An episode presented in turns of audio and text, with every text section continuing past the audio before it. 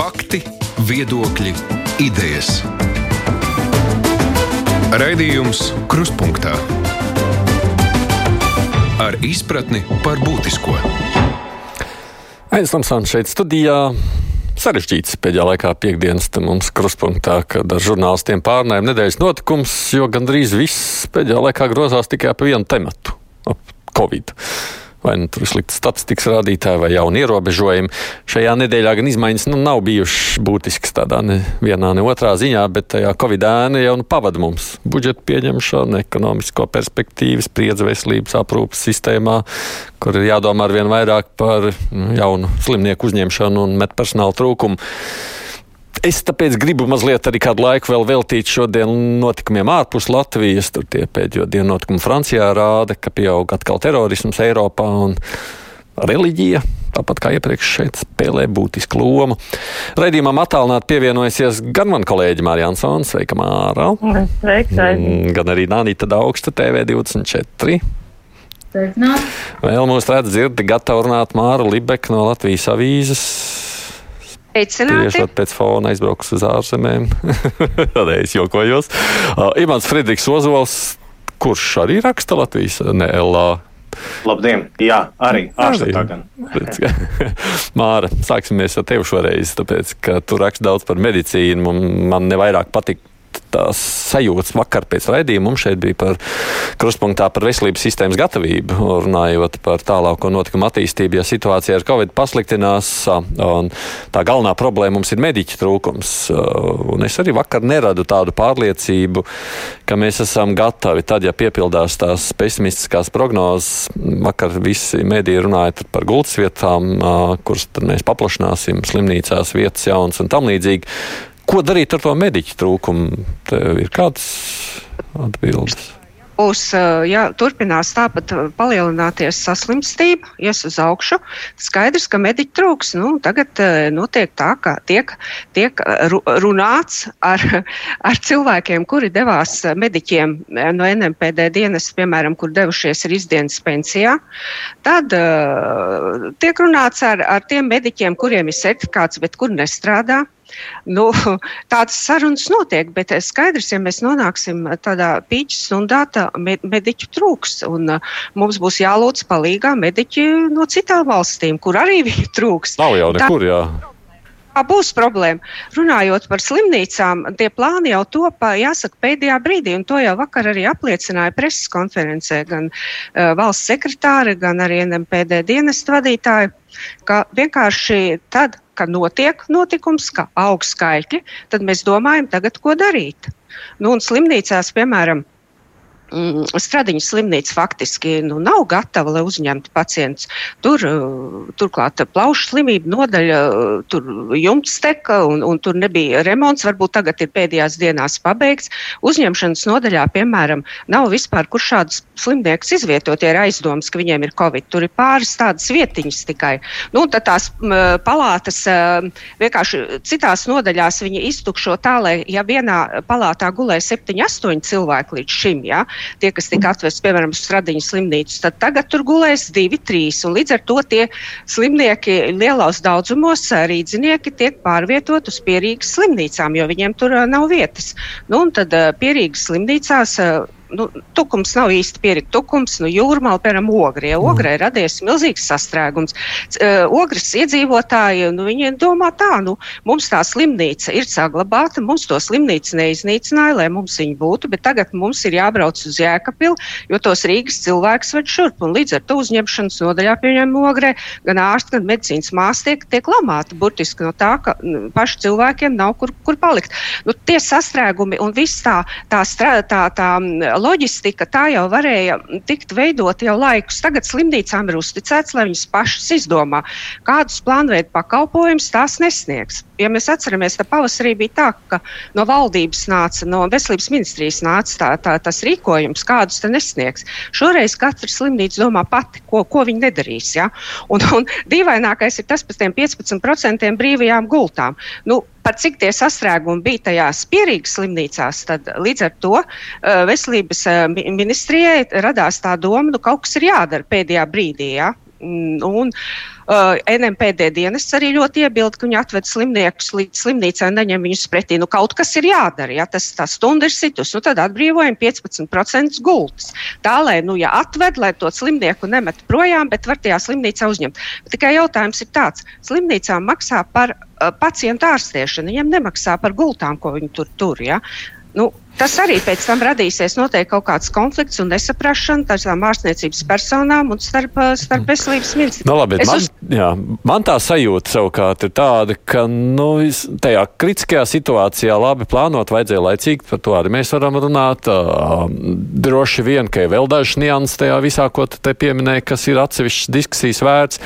Bet nu, to vietu vēl, kur to slimnieku noguldīt, jau mēs atradīsim, bet to cilvēku, kas varētu pienākt pie tā slimnieka, nebūs vairs. Tā ir tā. Problēma, jā. Un kā to problēmu atrisināt? Nu, es saku, tiek risināts tā, ka runā ar tiem, kas ir no, no nozares, no tās jomas, medicīnas jomas aizgājuši. Un tie cilvēki, protams, cienījamā vecumā, vai viņi būs ar mieru nākt, atgriezties. Nu, nu, es nezinu, ja valsts ir briesmās, nu, tad patrioti mobilizējamies un dodamies palīgā. Piemēram, man ogres slimnīcā stāstā, ka viņi lūdz, lai atļauj rezidentiem, kas ir Rīgā, braukt tagad uz ogres slimnīcu palīgā mediķiem. Ja? Mm. Nu, Ministrija to ir aizliegusi. Viņi neļauj Rīgā jābūt tiem rezidentiem. Nav ko te tagad par reģioniem. Nu, mēs vakar ar veselības ministrijai par šo runājām. Nav jau tā, ka viņi aizliedz, bet tur šobrīd nav nekāda risinājuma tādā veidā, ka tiktu meklēts. Man sajūta nav. Kolēģi pārējie, ko saka par šo? Nu, man arī vakar es noklausījos uh, tavu raidījumu, kur mm, veselības ministrs, ministrijas pārstāve mani izbrīnīja viņas, uh, nu, tiksim, Nu, tāds neoptimisms. Jā, optimisms. Bet, uh, nu, varbūt nebūs tik traki. nu, jā, bet uh, tas ir viņas rīcības pamatojums, ministrijas rīcības pamatojums bija balstīts šajā optimismā. Varbūt nebūs tik traki. Tajā pašā laikā nu, bija runa, jā, ka varbūt uh, tie rezidenti varētu palīdzēt, bet neviens nav domājis par to, kā tiem rezidentiem uh, var sakārtot to viņa rezidentūru, jo viņi jau var piesiet tai vienai slimnīcai. Tieši tāpat viņi nav apmācīti, jo uh, ja ir vajadzīgi darbinieki pie eh, Covid pacientiem, kur labāk, protams, būtu strādāt jauniem cilvēkiem, nevis vecākiem cilvēkiem. Nu, tur arī neviens nav domājis par to, ka vajadzētu kādu apmācīt, jo tur jau var nevar iesviest kādu ārstu, kurš ar to nekad nav bijis saistīts. Un par to neviens saulēcīgi nav domājis, un tagad tikai tiek iesviesta viena ideja, nu varētu to, varētu šito, kā tas praktiski tiks realizēts. Par tiem pašiem 15% arī, nu, slimnīcas izdomājiet. Bet slimnīcām jau arī vajadzētu palīdzēt ar kaut kādu plānu, nu tad kaut kā skatīties, ko viņas var samazināt. Jo, ja katra slimnīca uz savu galvu kaut ko samazinās, tad pazudīs kaut kādu pakalpojumu reģionā vispār. Tam arī vajadzētu būt nu, kaut kā koordinētam, bet tas viss notiek nu, tā ļoti pēdējā brīdī, nu padarīsim to un tad skatīsimies, kādas sekas būs. Un tas viss ir ārkārtīgi iekavēts. Jā, nu redzot to, kas. Jā. Man jau liekas, ka mums šobrīd ir tik daudz valsts apkārt, no kurām skatoties Beļģija, Čehija, Francija, kur tā situācija tieši līdzīgi veidojās šobrīd, ir jau izveidojusies, tā jāsaka. Jā. Čehija, piemēram, viņiem, viņiem vienkārši nav, viņiem nav šo mediķu šobrīd, un viņi tur aicina no ārzemēm, bet, nu, jā, jā, jā, tas jau ir tāds aicinājums. Lietuva mums ir kaimiņu valstī. Kur būs tūlīt tas pats, jā. Tieši tā, jā. Mūsu kaimiņos tas pats, ko saka Anita. Nu, es, es varu pieteikt, pateikt tikai to, ka es piekrītu abu māru teiktajiem par to, ka uh, es arī īsti nesaprotu veselības uh, ministrijas optimismu. Uh, Turklāt vēl vairāk, manuprāt, tas nav tikai veselības ministrijas optimisms. Es domāju, ka jau um, valdības uh, vadītāja līmenī vajadzēja šo jautājumu risināt um, jau vasarā. Jo, ja mēs no vienas puses, un mēs ilgstoši dzirdējām to, ka Covid pie mums te ir atnācis uz visiem laikiem, mums ar to būs jārēķinās, un būs jārēķinās ļoti nopietni dažādi ierobežojumi un tam līdzīgi, un tam līdzīgi, tad es nesaprotu, kāpēc tas tiek um, pasniegts tikai kaut kādas noteiktas frāzes veidā, bet nenotiek nekādas tālākās, um, tālākās darbības. Mēs redzējām citu valstu piemēru jau sākot no pavasara, ka tika pat celtas stadionos tā saucamās um, un citās vietās tā saucamās COVID, uh, COVID slimnīcas, tika iepirktas noteikts iekārts un sākts apmācīt uh, personāls. Šādu slimnīcu un iekārtu, atbilstošo iekārtu apkalpošanai. Jo tiešām tā ir, tā ir viena no lielākajām problēmām. Latvijā netika darīts nekas tam līdzīgs. Nerunāsim pat par to, ka pēkšņi valsts kontrole konstatēja, ka pat aizsargu līdzekļu iepirkumi ir problemātiski un nav, notik, nav notikuši pietiekamā, pietiekamā apjomā. Un, turklāt vēl jāatceras arī tas, ka um, es domāju, ka cīņa ar covid, nu, tur es varu piekrist veselības ministrei Ilzai Viņķelai, tā nav tikai veselības ministrijas atbildība. Cits starpā es domāju, ka tur bija jābūt vairāk ministriju sadarbībai. Piemēram, ja mums ir aizsardzības ministrija, kuras rīcībā ir ļoti nopietni līdz, uh, no, nopietnas līdzekļu apjoms, turklāt vēl uh, tā daļai atbild arī par dažādiem strateģiskiem iepirkumiem, uh, kāpēc, piemēram, piemēram, šajās Covid slimnīcu būvēs, pārbūvēs un tam līdzīgi nevarēja piesaistīt aizsardzības ministrijas līdzekļus. Es, protams, nu, varbūt neesmu tik liela speciālists saprast, kā notiek šo līdzekļu sadali, bet es saprotu arī to, ka ka tomēr šai te, um, dažādu ministriju sadarbībai bija jābūt daudz lielākā mērā. Un es ļoti pievienojos Māras tā kur Libekas teiktajam par to, ka veselības ministrijas šī brīdī attieksme pateikt, Eh, slimnīcām. Nu, ziniet, jūs tur, eh, tur tieciet, eh, tieciet galā, paši izdomājat, ko, ko jūs tagad tur nedarīsiet. Es atvainojos, neviena slimnīca nav tiešām ieinteresēta kaut ko nedarīt, tāpēc, ka viņiem par to gluži vienkārši nemaksā. Un tiešām viņiem nav, nenotiek apmaksa par gultām, bet par paveikto darbu. Nu, tik daudz, ka viņi vienīgais redz tajā brīdī, ka viņiem nav to mediķu. Nu, arī priekš Stradiņas slimnīcas 50, 47, jā, 50 mediķi ir daudz jau tajā brīdī. Un es saprotu, ir nu, daudzām slimnīcām, kur mediķi jau izkrīt, tāpēc vien, ka viņi nonāk karantīnā kādā brīdī.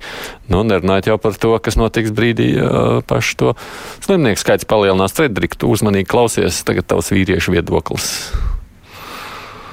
Es, nu, To, ka ir kaut kādi trūkumi plānošanā un menedžmentā, no to jau mēs kopumā ļoti labi katrs saprotam. Tur, hm, tur no mūsu runāšanas vairs nekas nemainās, bet tas, kas, manuprāt, vēl ar vienu netiek pienācīgi izdarīts, novērst šo tālāku saslimšanu. Protams, pat ja mēs atrodam to efektīvāko modeli šobrīd, es nezinu, vai gluži darbojas divas nedēļas, par kurām Viņķels kundze runā, vai, vai, vai, vai mēnesis, vai atkal mazāks posms. Tas ir otršķirīgs jautājums, bet galvenais būtu tiešām efektīvi apturēt slimības izplatību. Tas uh, automātiski risinātu ļoti daudz ko, ieskaitot to, ka slimnīcas uh, liedzot šobrīd um, pakalpojumus citiem pacientiem, uh, pasliktina viņu stāvokli vēl virknē citu un nemaz mazāk bīstamu diagnožu nekā Covid. Tātad mums vēl ar vienu ir jārunā par šo pašu pamatu, kā apturēt infekcijas izplatību. Es pieņemu, ka te ir ļoti daudz trūkumu, bet viens tāds, ko es ļoti izteikti redzu, nu, divi patiesībā ir. Pirmais ir pats pamats, kā notiek šis menedžments, tas lielais ietvars, gan attiecībā uz komunikāciju, gan uz pašu to tur. Manuprāt, vajadzēja iet nevis tajā virzienā, ka mēs katrā solītī pa mazam jaunam ierobežojumam Bet tieši tāpat kā, piemēram, kad bērnam ir alerģija, mēs nogriežam pilnīgi visu, kas var saturēt alerģijas riskus, un tad sākam likt nedaudz atpakaļ. Šeit bija principiāla kļūda. Nu, mēs redzam, ka arī šodien tas pats Frankfurtē Algamainā ir publicējis Fanderlejens to teikto, ka pārāk ātri Eiropas Savienība atlaida ierobežojumus, un tagad mēs runāsim pati Eiropas Savienība arī saka, ka šobrīd būs runa par striktiem ierobežojumiem ilgāku laiku. Manuprāt, šeit bija lielā kļūda. Vispirms vajadzēja ļoti striktus ierobežojumus, un tad vajadzēja kāpties atpakaļ, skatoties, kurā brīdī sāk slimība sistu zāru. It īpaši, ja mēs zinām, ka mums ir tik mazs vietu skaits. Un otra principiāla problēma, ko es redzu, visi grib būt populāri, un neviens negrib izdarīt darbu. Un tas ir tas jautājums, piemēram, par tām pašām sejas maskām. Mēs viņām iedodam vispirms laiku tiem pašiem sodiem, 20. Eh, novembris. Un no otras puses, iekšlietu ministrija paziņo, ka viņi neveiks nekādus reidus, lai, te, lai šo te valkāšanu ierobežotu. Nu, tad uz ko mēs šobrīd ceram? Un tāpat es arī eh, piefiksēju, nu, ministra kabineta noteikumos patiešām ir tas punkts, ka, ja ir barjeras starp klientu un pārdevēju, tad pārdevējam maska nav jāvalkā. Bet tagad atcerieties, kādas ir šīs barjeras, piemēram, veikalā Rīgā. No abām pusēm kasieris ir pilnīgi brīvs, un tāpat arī klients. Gan jūs, kad jūs liekat uz lentes pārtiku, gan tad, kad ņemat ārā. Gaļas veikala apkalpošana notiek tieši visas letes garumā, ieskaitot degustējumos tos kumosiņus. Šie ir it kā, mēs varētu teikt, nu, tie tādi sīkumi, ne tie nav sīkumi, jo tad, kad, piemēram, manā vietējā aptiekā ir patiešām šī barjera no apakšas līdz augšai ar pavisam mazu lodziņu apakšā, un pat tur tāpēc ka viņi farmācijā tomēr nedaudz vairāk mācās medicīnu. Um, un pat tur cilvēki valkā vēl maskas. Tā ir viena barjeras situācija. Bet otra lieta, kad jūs iekarināt caurspīdīgu kabatas lakatiņu tieši pretim um, nu, tam pārdevējam, tas nesargā pārdevēju, tas nesargā klientu un pārdevējs tālāk var, var veicināt to tur. Bet, bet šito mēs varam turpināt ilgi. Es varbūt to pārtraukšu. Vienīgais, ko es teiktu, ka man liekas, uh, kas arī ir simbols tam, cik uh, slikti šobrīd darbojas tie ierobežojumi. Kad Rēzeknas un Salkrastu pansionātos mēs jau esam šo te noķēruši. Un tas ir tas visvieglāk ievainojamā auditorija. Un no otras puses, uh, vietas, kur bija visagrāk noteikti karantīnas ierobežojumi, piemēram, uh, Gaļzera pansionātā, kur man tuvinieks mīt, nu, tie ierobežojumi jau kaut kāds 3-4 nedēļas mēs vairs nevaram satikties. Tātad mēs redzam, ka ir nolaidība šo, te, um, nu, šo te ievērošanas līmenī pat cilvēkiem, kas strādā tajā jomā. Man arī nav skaidrs gluži par tik plašu izplatību slimnīcās. Uh, te būtu ļoti interesanti papildus analīze. Vai tie ir cilvēki, kas saskārās ar covid pacientiem? Mēs zinām, ka ir šādi gadījumi, bet vienlaikus mēs dzirdam, ka ir kontaktpersonas darba kolektīvu starpā. Tad ir atkal jautājums, vai tiešām ir ievēroti visi nosacījumi. Jo pēdējo reizi, kad es biju piemēram pie ārsta, mans ārsts un viņa medmāsa masku nevalkāja. Es biju tas, kurš valkāja masku. Bet mēs zinām, ka efektivitāte sasniedz 90%. Tikai tad, ja abiem ir šī maska. Stāst, un tā tālāk. Jā, stāst par maskām. Mēs jau esam šeit, man liekas, nereiz vien jau runājuši kruspunktā piekdienas diskusijās. Tas ir tāds, laikam, nebeidzamais. Un attiecībā uz distanču ievērošanu, nu, tāpat Francija. Es jau paskatījos viņiem no rītdienas varas cieta vai Vācija, jā, un tur stāv iepriekšējā dienā visi gāru, gar garā rindā, lai paspētu pēdējo reizi vēl paēst restorānā. Tāpēc Tāpēc tur, Tieši tāpat tur, ir arī Latvijā. Neko, jā, tur, tur neko neizdarīsi. Tu vienmēr būsi viens no tiem, kurš grib, bet būs pietiekoši daudz, kurš negrib. Bet masku valkāšana abās minētajās valstīs tiek uzraudzīta stipri, stipri, stipri jā. stingrāk. Bet ar to arī protestos ejot pret maskām, jums ir jāvelk maska. Jā, bet slimnīca vienalga pārpildīts, un man jau arī šī mediķa Protams. lieta ļoti raizē. Es domāju, ka mēs tā nu, lāgas apjautīsim to situāciju pēc dažām nedēļām, kad mēs spriedīsim, ka mēs vairs nevaram aiziet pie ārsta. Un tas ir ļoti reāli nākotne, ar ko varētu rēķināties. Patīk mums tas vai nē šajā brīdī. Ir kaut ko vēl pie šī piebilstot. Uh, jā, es, gribu, es gribu piebilst, piebilst to, ka mm, Frederiks bija lasījis Frankfurtā Allgemeine, es savukārt biju lasījusi Vācu bildu. Un tur izvēr, bija izvērtusies pavisam cita rakursa polemika, proti par to, ka tā dēvētā pirmā viļņu laikā visi ierobežojumi, kas tika noteikti, daži bija absolūti nepamatot stingri, savukārt daži bija nepamatot vaļīgi. Un, um, tur arī tiek uzdots jautājums, un tika uzdots amatpersonām, dažādām Vācijas amatpersonām jautājums, ar cik tā saucamajiem lockdowniem vai, vai, vai nu, aizslēgšanu, vai es nezinu, kā precīzāk to iztulkot, um, ar cik lockdowniem tad nu, būs jārēķinās. Jo ir diezgan loģiski, tad, kad tu uh, ievies šos stingros, nu, teiksim tā, ļoti stingros ierobežojumus, tie cipari kritīs, nu, agri vai vēliņi kritīs, jo te tu visu aiztais ciet, protams, ka tie cipari nokrīt.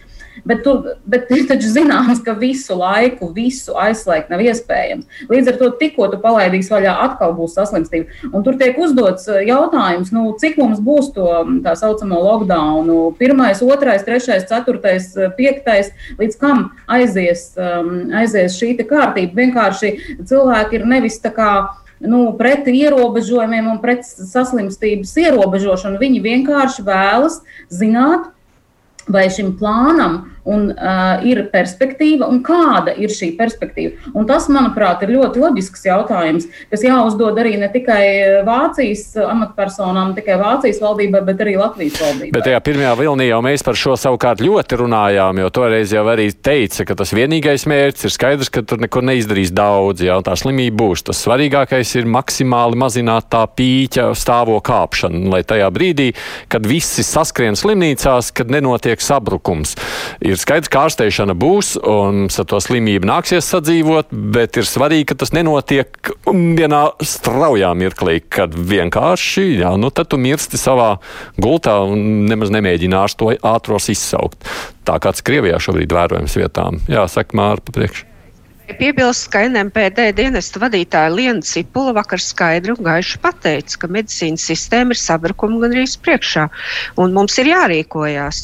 Un nekāda tā rīcība, tāda, nu, tāda ļoti, ļoti mērķēta rīcība nenotiek pat labam. Katram uztic slimnīcai, lai dara, kā viņi vēlās. Nu. Jā.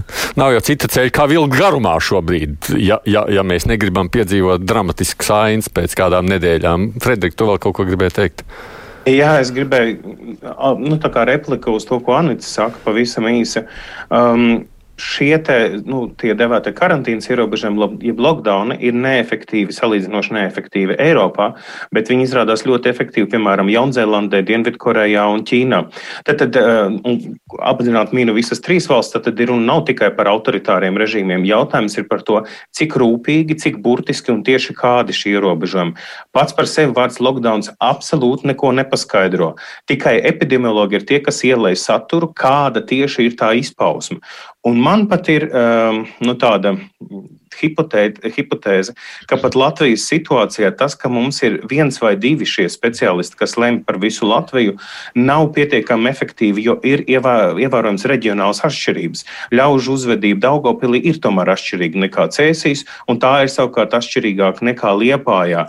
Un tāpēc es domāju, ka mums nav efektīvs tas komplekts. Viņš tās izmaiņas varbūt ir pavisam niecīgas, kas mums pašiem liktos nenozīmīgas, bet viņas dod ļoti, ļoti spēcīgu rezultātu. Tad, ja mēs atrodam tieši īsto komplektu un nodrošinam, ka tas tiek ievērots. Mm, jā. es atgādinu tikai, ka mēs esam šeit žurnālisti saslēgušies, katrs no sava gala, lai runātu par to, kā šī nedēļa izskatās. Un tā jau ir tas Covid joprojām mūsu uzmanības lokā ir un paliks, acīm redzot, Anita Daugšta, Māra Jansona, Māra Libeka, Frederiks Ozols ir tie, kas šeit komentē. Raidījums Krustpunktā. No manas tikai replika, manas bažas joprojām nerādās skaitļi par vakardienu. Mūsu aina rāda, ka jo vēlāk parādās skaitļi, jo tie ir lielāki. Tā kā tas nekas lāga nav. Otrā ziņa, kas parādījusies, ir, ka saimā ir atklāta ka vairāk gadījumu starp darbiniekiem, un tas nozīmē, ka parlaments atkal ir nonācis vietā, kurā viņi ir riska zonā. Savukārt, nu, runājot par to, ko mēs šeit sacījām, Jānis tā komentēja Friedrichs sacīja to, Friedrika, kas tad būtu noticis ar ekonomiku, ja būtu tik ilgi turēti strikti aizliegumi. Ekonomika ekonomika mazliet gribu pievērsties, ņemot vērā diskusijām par budžetu nākošā gada. Un jautājums jau jā, cik mēs varam ilgi vispār, ko mēs varam atļauties tagad. Tas ir, kas man sēž prātā, domājot par visu šo. Jums ir atbilde, ko uz šo var atbildēt? Vispirms es pateikšu, ka um, ekonomikas apturēšana nav efektīva. To, to saprot uh, katrs. Uh, un, diemžēl mums ir izveidojusies kaut kāda tāda uztvere prātā, ka cieši epidemioloģiski ierobežojumi rada ekonomikas apturēšanu. Nē, tas ir tas stāsts par tādiem ierobežojumiem, kas ļauj ekonomiku turēt dzīvu, pat ļoti dzīvu. Jo, ja ekonomika sabrūk, tad uh, samazinās pieejamais līdzekļu apjoms tai pašai veselības aprūpas nozarei un iestājas vēl sliktāka situācija, jo līdz ar to nav iespējams sniegt palīdzību ne Covid pacientiem, ne kādiem citiem. Tad, tad ekonomika ir jāsaudzē vislielākā mērā. Šajā ziņā man ir bažas uh, skatoties saistībā ar budžetu vai vairāk to, ko stāsta par budžetu paši politiķi. Man ir bažas, ka Te nav, te nav efektīva komunikācija ne starp epidemiologiem, ne attiecīgajām nozarēm. Te valda milzīgs pārpratums, ka tad, ja mums izdosies nospiest uz leju to covid infekcijas izplatību, tas nozīmēs nospiest arī uzņēmumus. Un te, manuprāt, ir lieli trūkumi, ka mēs kā sabiedrība nevaram iesaistīties līdzvērtīgā diskusijā par to, kas vispār ir jādara. Man vairāk patiktu Vācijas pieejams, kur mēs atbalstam mazos un vidējos uzņēmējus jo liels mazo un vidējo uzņēmumu eh, bankrots velk līdzi ļoti daudzus cilvēkus bez ienākumiem. Um, man nav saprotams, kā mēs to risinām. Maksājumi ar Baltikam nekādā mērā to neatrisinās. It īpaši, ja beigu galā, uh, ja mēs tagad dzirdam, piemēram, kad uh, no aviācijas nozarei vajadzēs pat kādus piecus gadus, lai atkoptos, ja šajā laikā uzņēmums mēs šobrīd maksājam valsts naudu, lai šis uzņēmums varētu uzturēt gan savu lidaparātu floti, uh, gan kaut kādas funkcijas. Viņi nav ļoti sociāli tādi, kas ir rūpīgi svarīgi, jo mēs atceramies, ka viņi jau pašā sākumā martā atlaida darbiniekus. Tātad tur viņiem, kas saka, nekāda, nekāda svētuma nav. Viņi labprāt aiztriec uz eh, šo nodarbinātības valsts aģentūru, meklējiet atbalstu tur. Bet man ir jautājums, vai mēs tikpat čakli atbalstam visai plašo uzņēmēju darbības sektoru. Um, nu, ļoti, ļoti daudzās izpausmēs. Man, piemēram, pietrūkst nu, viens pavisam sīks piemērs, lai tā man doma būtu saprotama. Um, ir tie šūšanas kursi. Es vienkārši vakar dzirdēju šo stāstu. Ir šūšanas kurs. Tagad viņi, protams, nevar vairs to šūšanas kursus organizēt klātienē. Un vienlaikus mums ir nepieciešamība cilvēkiem nodrošināties ar maskām un šaubas par to. Tu tad paņem kā veselības ministrija kaut vai samaksā, izdara to pašu, ko izdarīja Pasaules veselības organizācijas. No turienes ir šis piemērs. Samaksā cilvēkam, kas ir vadījis šos kursus, lai uztaisītu vietējo video. Nu, YouTube, protams, ir pilns ar šiem video. Lai uztaisītu vietējo video, kā izgatavot šo masku, viņš saņem naudu par to, ko viņš nevar nopelnīt, rīkojot šos kursus. Vienlaikus ir ļoti efektīvi, ka šādas lietas stāsta tev savējais cilvēks. Samaksā simts cilvēkiem. Tas ir mazs piemērs. Skolotājiem mēs gribam, lai ir efektīvas attālinātās mācību programmas maksā par to, lai skolotāji filmē šos video, taisa šos mācību materiālus, un lai tie, ir, lai tie kļūst pieejami, liec viņus vienā platformā.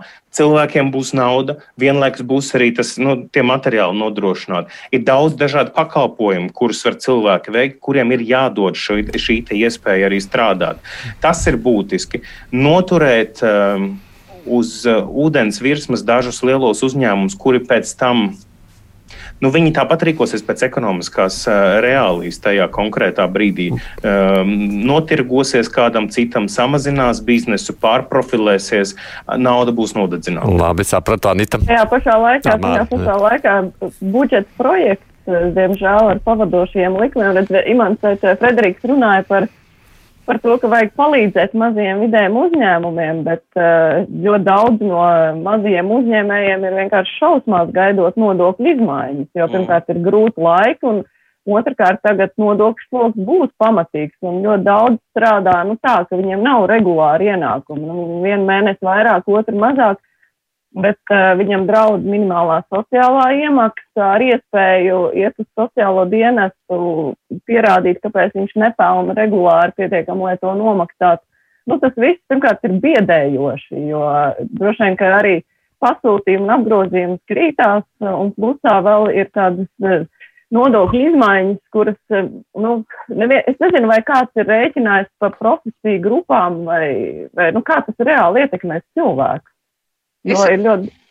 Jā, Mārta. Es vienkārši gribu pateikt to, kā nu, Latvijas iedzīvotājs ietekmēs, jo mēs zinām, ka um, tātad uh, pašvaldībām un līdz ar to Latvijas iedzīvotājiem būs um, mazākas uh, naudas summas, tāpēc ka iedzīvotāja ienākuma nodokļa daļa ir samazināta pašvaldībām.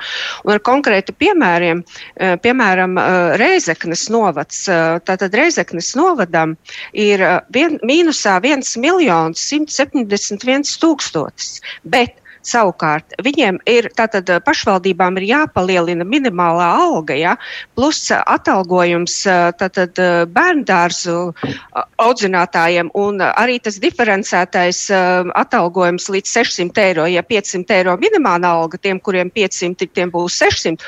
Un Reizekne izreikināts novadā, ka papildus būs nepieciešama 800 tūkstoši eiro. Tātad miljonu noņem 800 tūkstoši eiro papildus, plus ir jāpaceļ pašvaldībām uh, uh, GMI garantētais minimālais ienākums no 64 uz 109 eiro. Ko tas nozīmē tādam Reizeknas novadam? Papildus tie ir no 400 līdz 600 eiro, bet viens miljons ir noņemts. Ja? Un cietīs ļoti cilvēki, kas dzīvo uh, vidzemes ziemeļdaļā, vidusdaļā, kas latgalē dzīvo un kurzems uh, arī dienvidu daļā. Un, un, un, piemēram, nu, te pa mazajiem novadiem, Aglonas novadām, mīnus 7%, tas ir 175 tūkstoši nost. Aizputis novadām 6,6%, 467 tūkstoši nost. Bauskas novadām mīnus 860 tūkstoši.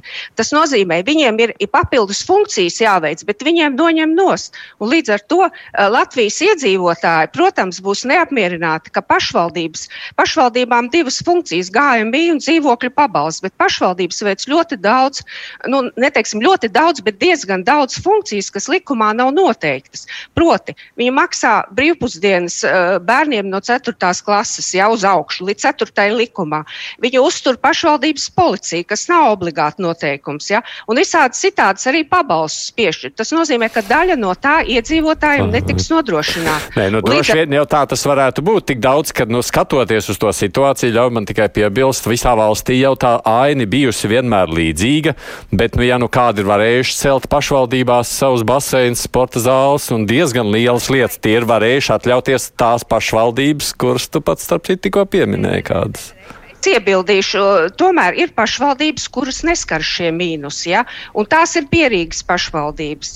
Tās ir pierīgas Carnikova, eh, tur eh, Babīta laikam, kaut kura tur vēl ādaži, jā, tām nav mīnusi. Tātad cilvēki, eh, mums, nu, viņi pierīgā, protams, ka būs tā situācija puslīdz, jā, Rīgā ir mīnus 17 miljoni, tur nebūs tik labi, bet mums taču runājam par reģionālo izlīdzināšanu Latvijas valstī tad, tad kā tas būs? Ja? Ka, ka vienā vietā. Īstenībā man vajadzētu vispār vienu atsevišķu tēmu par to, kas notiek pēc uh, tagad uh, novada novod apvienošanas ar šo izlīdzināšanu, vai ne? Tas ir viens atsevišķs interesants temats.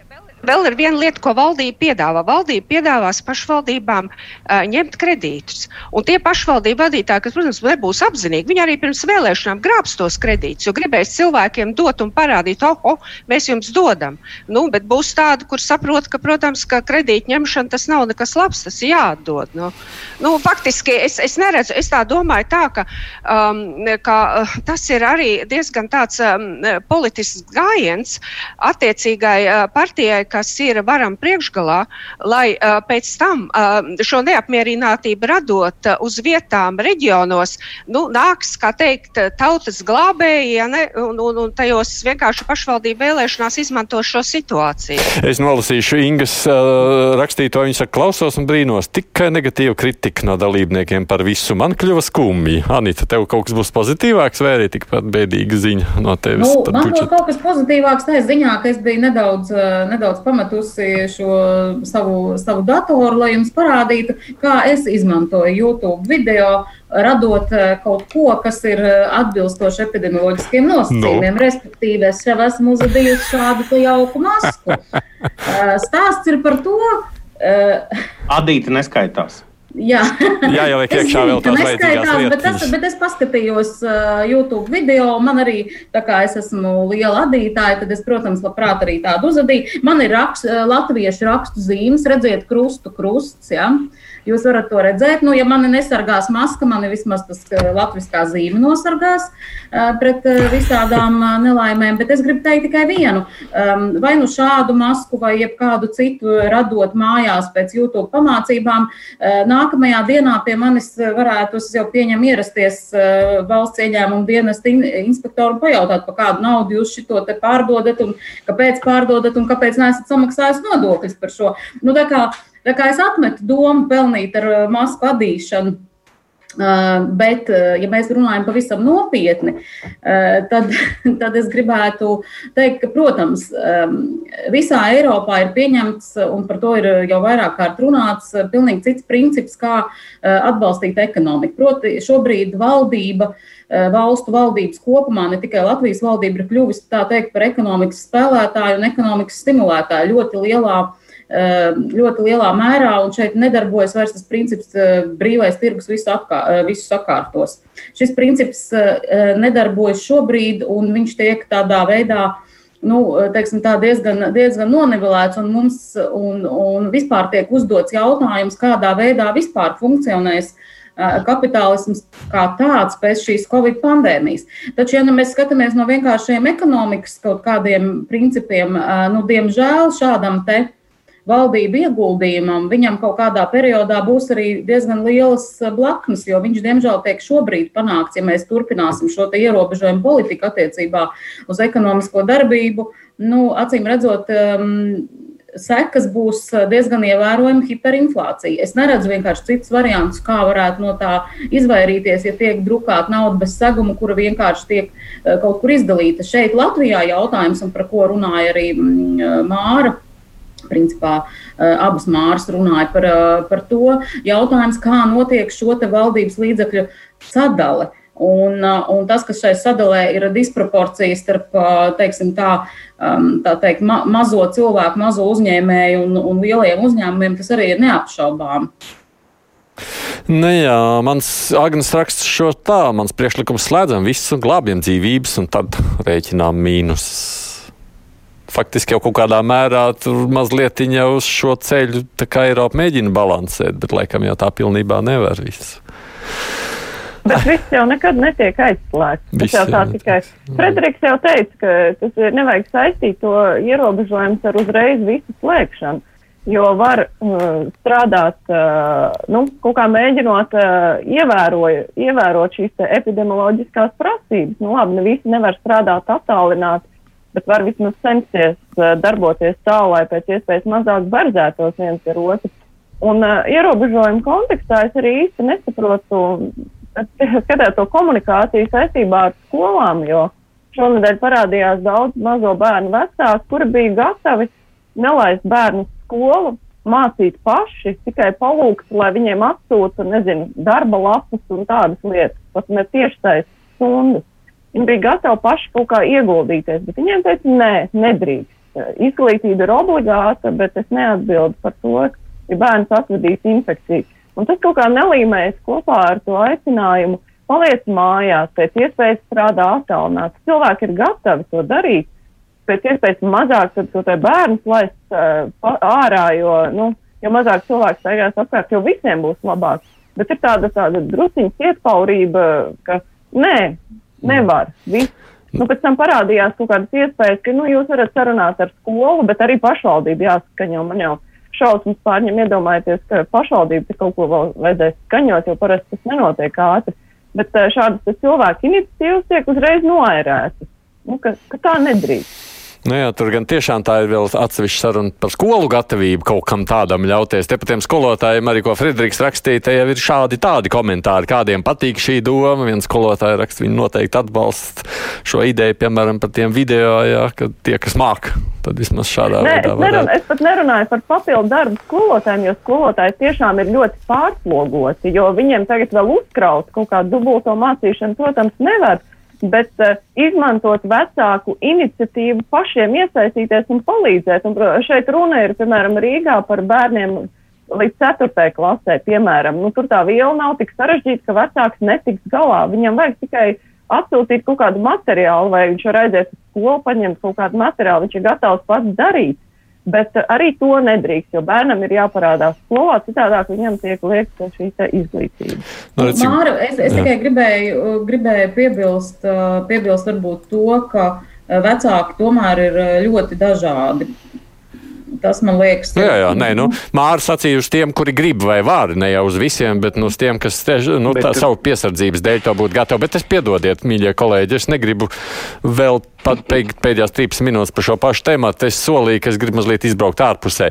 Man liekas, ir svarīgi, man ņemot vērā, ka man arī vakar divās pušlo, pasaulē tik daudz viss notiek, ticiet man, ka es ar mani raidījums divas pušlodes uh, stunda nedēļā tur, nu mēs varam aprunāt tikai vienu mazāko daļu. Paliek tik daudz svarīgu notikumu ārpus. Un viena no lietām, kas ir šajā nedēļā pievērsus uzmanību, visas pasaules uzmanību un Eiropā neapšaubām, ir Francija ar nu, piedodiet, nozāģētām vai nocirstām vai nogriežtām galvām un uh, terora draudiem un dedzinātiem plakātiem un karogiem un uh, nu, ļoti skarbiem izteikumiem islāma zemēs, kas vērojams pēdējās nedēļas laikā.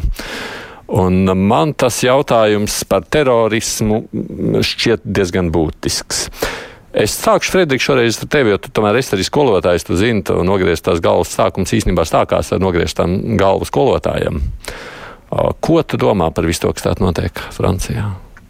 Nu, es esmu gan skolotājs, gan arī beidzis maģistratūru austrumu pētniecībā ar specializāciju tuvajos austrumos un Ziemeļāfrikā. Bet, uh, tas ir ļoti smags temats, par to, par to šaubu nav. Um, te ir zinām problēma. Tad, kad pašiem frančiem uh, māca jēdzienu, nu, šo tam mēs tūkām kā laicīgumu, lai izsitē uh, šī jēdziena skaidrojumu, viņiem iemāca to, uh, jo tas toreiz bija tādā pamfletā revolūcijas laikā. Uh, Arī nopublicēts, un tas ir viens no tiem, kas veido šos principus izpratnē. Viņiem māca, ka tava brīvība beidzas tad, kad tā skar otra cilvēka brīvību tas, ko mēs aizmirstam, ka tas darbojas arī uz tiem uh, Francijas pilsoņiem, kas ir musulmaņi. Uh, tu vari uh, svinēt šo laicīgumu, tu vari viņu uh, kaut kā pastiprināti uh, veicināt un afišēt, bet tas nenozīmē, ka tev ir uh, kaut kāda obligāta nepieciešamība aizvainot citu reliģiju. Runājot par to aizvainojumu, es pat šeit nedomāju karikatūras, jo, diemžēl, ir sabrucis kopā uh, karikatūra temats ar vienu citu notikumu, kas notika. Kad uh, Emmanuels Makrons, Francijas prezidents, um, paziņoja, ka, radikālā, ka tādām mošajām, kuras, kurās sludina radikālo islāmu, tiks liekts jebkāds atbalsts, tās tiks slēgtas, un vispār šis radikālais islāms tiks mainīts, uh, pielāgojot viņu Francijas vērtībām. Ko mēs nesaprotam, bet mums kļūst skaidrāks, ja mēs, piemēram, nomainītu vārdu islāms uz katolicisms, piemēram, šeit, vai luterānisms, vai vienalga. Nu, kristietību. Nu, kaut vai, jā, nu, tas plašāks iedziens, bet labi. Un, jo, jūs saprotat, jūs taču nevarat teikt, ka radikāliem katoļiem es tagad visu ierobežošu. Radikālus katoļus es neatbalstīšu, radikālu katoļu baznīcām es naudu nedošu. To es darīšu tikai tādām, kas man patīk jo mēs zinām, ka tajā brīdī tu pārkāp pats savu laicīgumu principu, jo tu aizskar tagad viņu tiesības ticēt. Radikālais islāms nav terorisms pats par sevi. Tas nozīmē ļoti fundamentālu ticības izpratni. Ja šī fundamentālā ticības izpratne ir kristietim, mēs neredzam problēmas. Nu, protams, mēs varam apgalvot, ka tur negriež galvas nos, bet kristiešu terorisms arī ir pietiekami labi zināms, kaut vai kuklus klāns. Te ir noticis tas apvienojums, manuprāt, te ir tas, ko arī Krievijas prezidents dara, jo viņam ir ļoti liela musulmaņu kopiena. Nu, protams, atcerieties, Francijas situācija tā ir. Rietumvalsts ar vislielāko musulmaņu kopienu nav. Amerikā ir piecas reizes mazāk musulmaņu. Plus Francijā ir tas mojetas apgabals, no kura ir divi, divi, divi deputāti Nacionālajā asamblējā un divi ir uh, senātā, kas ir 90% musulmaņu apdzīvots. Tas ir pie Āfrikas krastiem, viņiem ir šīs aizjūras teritorijas. Francija pati par sevi ir arī musulmaņu zeme. Mums liekas, nezinu, kāpēc liekas, ka tā ir kristiešu zeme. Tā pirmkārt ir laicīga zeme, un otrām kārtām musulmaņi ir daļa no viņu pamatiedzīvotājiem. Tiešām nevis tikai imigrantiem. Ne? Tev ir nedaudz jārespektē. Tu nedrīkst runāt visu, ko tu gribētu par viņiem pateikt. Vai tas dod tiesības kaut ko cirst? Nē, protams, nē.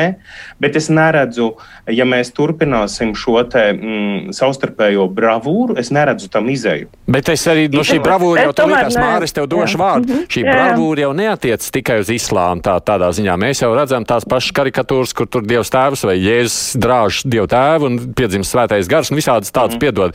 Absolūti rupības, kas neapšaubāmi šaubām arī kristiešiem ir, nu, viņas ir grūti, saga, nu, viņas nav sagaidāmas. Tāpēc, tāpēc es saku, ka ir um, divas, divi temati. Viens ir karikatūru temats, tas ir cits temats, un otrs ir, kur Emanuels Makrons paziņoja, viņš nebūdams musulmanis, mainīs, mainīs islāmu seju. Jā. Un tas bija, un tur saslēdzās šie divi faktori kopā, un tas kļuva par sprādzienu bīstamu eksplozīvu masu. Māra, es, es, es tomēr iebildīšu Federikam eh, tā ziņā, ka prezidents nevar atļauties vērsties pret eh, kaut kādām radikālām reliģijas izpratnē, izpausmēm, vienalga, vai tas būtu islāms vai tā būtu kristietība. Iedomājieties situāciju Latvijā. Mums pašiem te bija gadījums ar eh, šo te sektu, uh, kur uh, sieviete dzemdēja mājās un nomira, un viņas bērns nomira. Un pēc tam sāka pētīt, kas tur notika. Izrādās, ka tur bija ļoti uh, radikāls izpausmes attiecībā pret medicīnu, piemēram. Mm. Un tajā pašā laikā, tajā skaitā arī varas iestādes uh, vēršās pret to, vērsās, jo uh, tur tiek ierobežotas cilvēku likumīgās tiesības. Tur ir nu, pretruns ar valstī pastāvošo kārtību, ar cilvēku tiesībām. Uh, Un šī vēršanās notiek, un šajā gadījumā arī var teikt, ka mēs vēršamies pret kaut kādām radikālām kristietības izpausmēm. Un tieši tāpat arī, ja mēs runājam par citu reliģiju, vienīgā atšķirība ir tāda, ka Latvija tomēr kopumā ir krietni laicīgāka, un arī kristīgā sabiedrība ir nu, tāda, nu, nezinu, miermīlīgāka, bet nu, tā ar mazākām izpausmēm nekā, piemēram, musulmaņu sabiedrība, kas ir nu, kur vairāk ir, kur lielāka nozīme ir šīm reliģiskajām lietām. Respektīvi, nu, mēs esam laicīgāki. Mēs neesam laicīgāki, mēs esam drīzāk mazāk kasi. Mums nav tā, kā, ja tie, kas ir ateisti, Jā. tad viņi piedod uh, vislielākās rūpības velta baznīcai, un baznīca tādā pašā veidā dod pretī. Mums vienkārši nav uh, izteikti politikas, uh, politikas sastāvdaļa. Jā, nu sāksim, sāksim kaut vai ar to. Geju jautājums. Nu, mums ir, mums ir ļoti tādā ziņā, ka reliģija ietekmē politiku, to nu, mums būs jāatzīst. To. Mēs tiešām redzam, tā kā Frederiks saka, partnerattiecību likumā mēs redzam, ka, bet, protams, arī reliģija ietekmē. Tagad ļauj Janītai pateikt, pagaid, citādāk tu, viņi netiks pie vārda. Es vēl gribu tikai piebilst, ka tu gribi aiziet no pandēmijas tēmas, bet, bet, bet, bet, bet man liekas, ka mēs no viņas nevarēsim aiziet tajā ziņā, ka jebkura šie tēm, šī situācija, viņa Eh, lielā mērā izraisa sabiedrību radikalizāciju pilnīgi visur. Tu gribi teikt, ka tas, tās galvas griešanas arī sekas pandēmijai? Nu, ne tikai, ne, nu nevar tā teikt, tāpēc, ka bija tas, um, tero, tas, tas saucamais islāma terorisms, un, un, un, un tas ir bijis ik pa, ik pa brīdim. Tur gan ir bijuši dažādi, dažādi iemesli, bet es domāju, ka uh, kopējā tā ekspozīcija situācijas eksplozivitāte, viņa lielā mērā viņu, viņu sekmē tas, tas process un sabiedrība radikalizācija tas ietekmē. Es nedomāju, ka mēs, ja nebūtu šīs pandēmijas, ka mēs piedzīvotu tādus skatus kā te, šīs te milzu demonstrācijas, kas notikušas ir gan Francijā, gan Vācijā, gan Spānijā, gan jebkur citur, gan to, ka cilvēki nesalīdzināmi jūtīgāk uztver savu tīri ekonomisko apstākļu diezgan būtisku paslikti, pasliktināšanos. Un vēl es, protams, savā ziņā gribu piekrist arī, arī Frederikam tajā, ka, manuprāt, Makronam tomēr veidojot, veidojot savu ārpolitiku bija jāņem vērā arī šis tēmas šis viņa paša valsts eh, iekšpolitiskais eh, faktors, etniskais, reliģiskais un, un, eh, cits, un, un pārējais sastāvs. Es nekādā ziņā tas vispār neatiecas uz to, ka te jebkādā veidā tiktu. Es arī nedomāju, ka ka, ka, ka Frederiks to vispār tā bija domājis. Te nekādā ziņā mēs nerunājam par kaut kādu terorismu zina, attaisnošanu. Drīzāk mēs runājam par to, ka uh, tam, ir kādi, tam ir kaut kādi iemesli. Un, ziniet, es ar, ar ārkārtīgu šoku vēroju to, kas vispār notika. Piemēram, tās demonstrācijas, kas notiek um, Pakistānā uh, pret Franciju. Un, uh, tas, tas izraisa vispār nu, pilnīgu. Visā pasaulē tāds šobrīd ir islāma pasaulē pasaulē. To, kā, kā, kā vispār attīstīsies turpmākā pasaules uh, starptautiskā politika un komunikācija. Mārlīvis. Jā. Jā. Jā, tas tas uh, naida purvs ir uh, tik dziļš uh, un tajā tik brists ar vien dziļāk, ka vispār grūti saprast, kā no tā izkulsies. Un, un ceļši arī to visu pastiprina Turcijas prezidents Erdogans ar saviem izteikumiem, nežēlīgajiem. Un to tikai vajag tiem radikāliem teroristu organizāciju, tiem grupējumiem. Uh, Un jāsaka tā, ka man atmiņā palikuši ir mūsu katoļu priestara Zbigņevs Stankevičs sacītais Latvijas televīzijā. Viņš teica, pirms aizskartās musulmaņu svētās jūtas, ka drusciņi ir jāpadomā, ko dara. Un, un, un, un, jo tā, tā, tas, tas naida purvs no viņa nu, nevarēs izbrist ārā šādā veidā ja tās karikatūras ar vien vairāk parādīsies.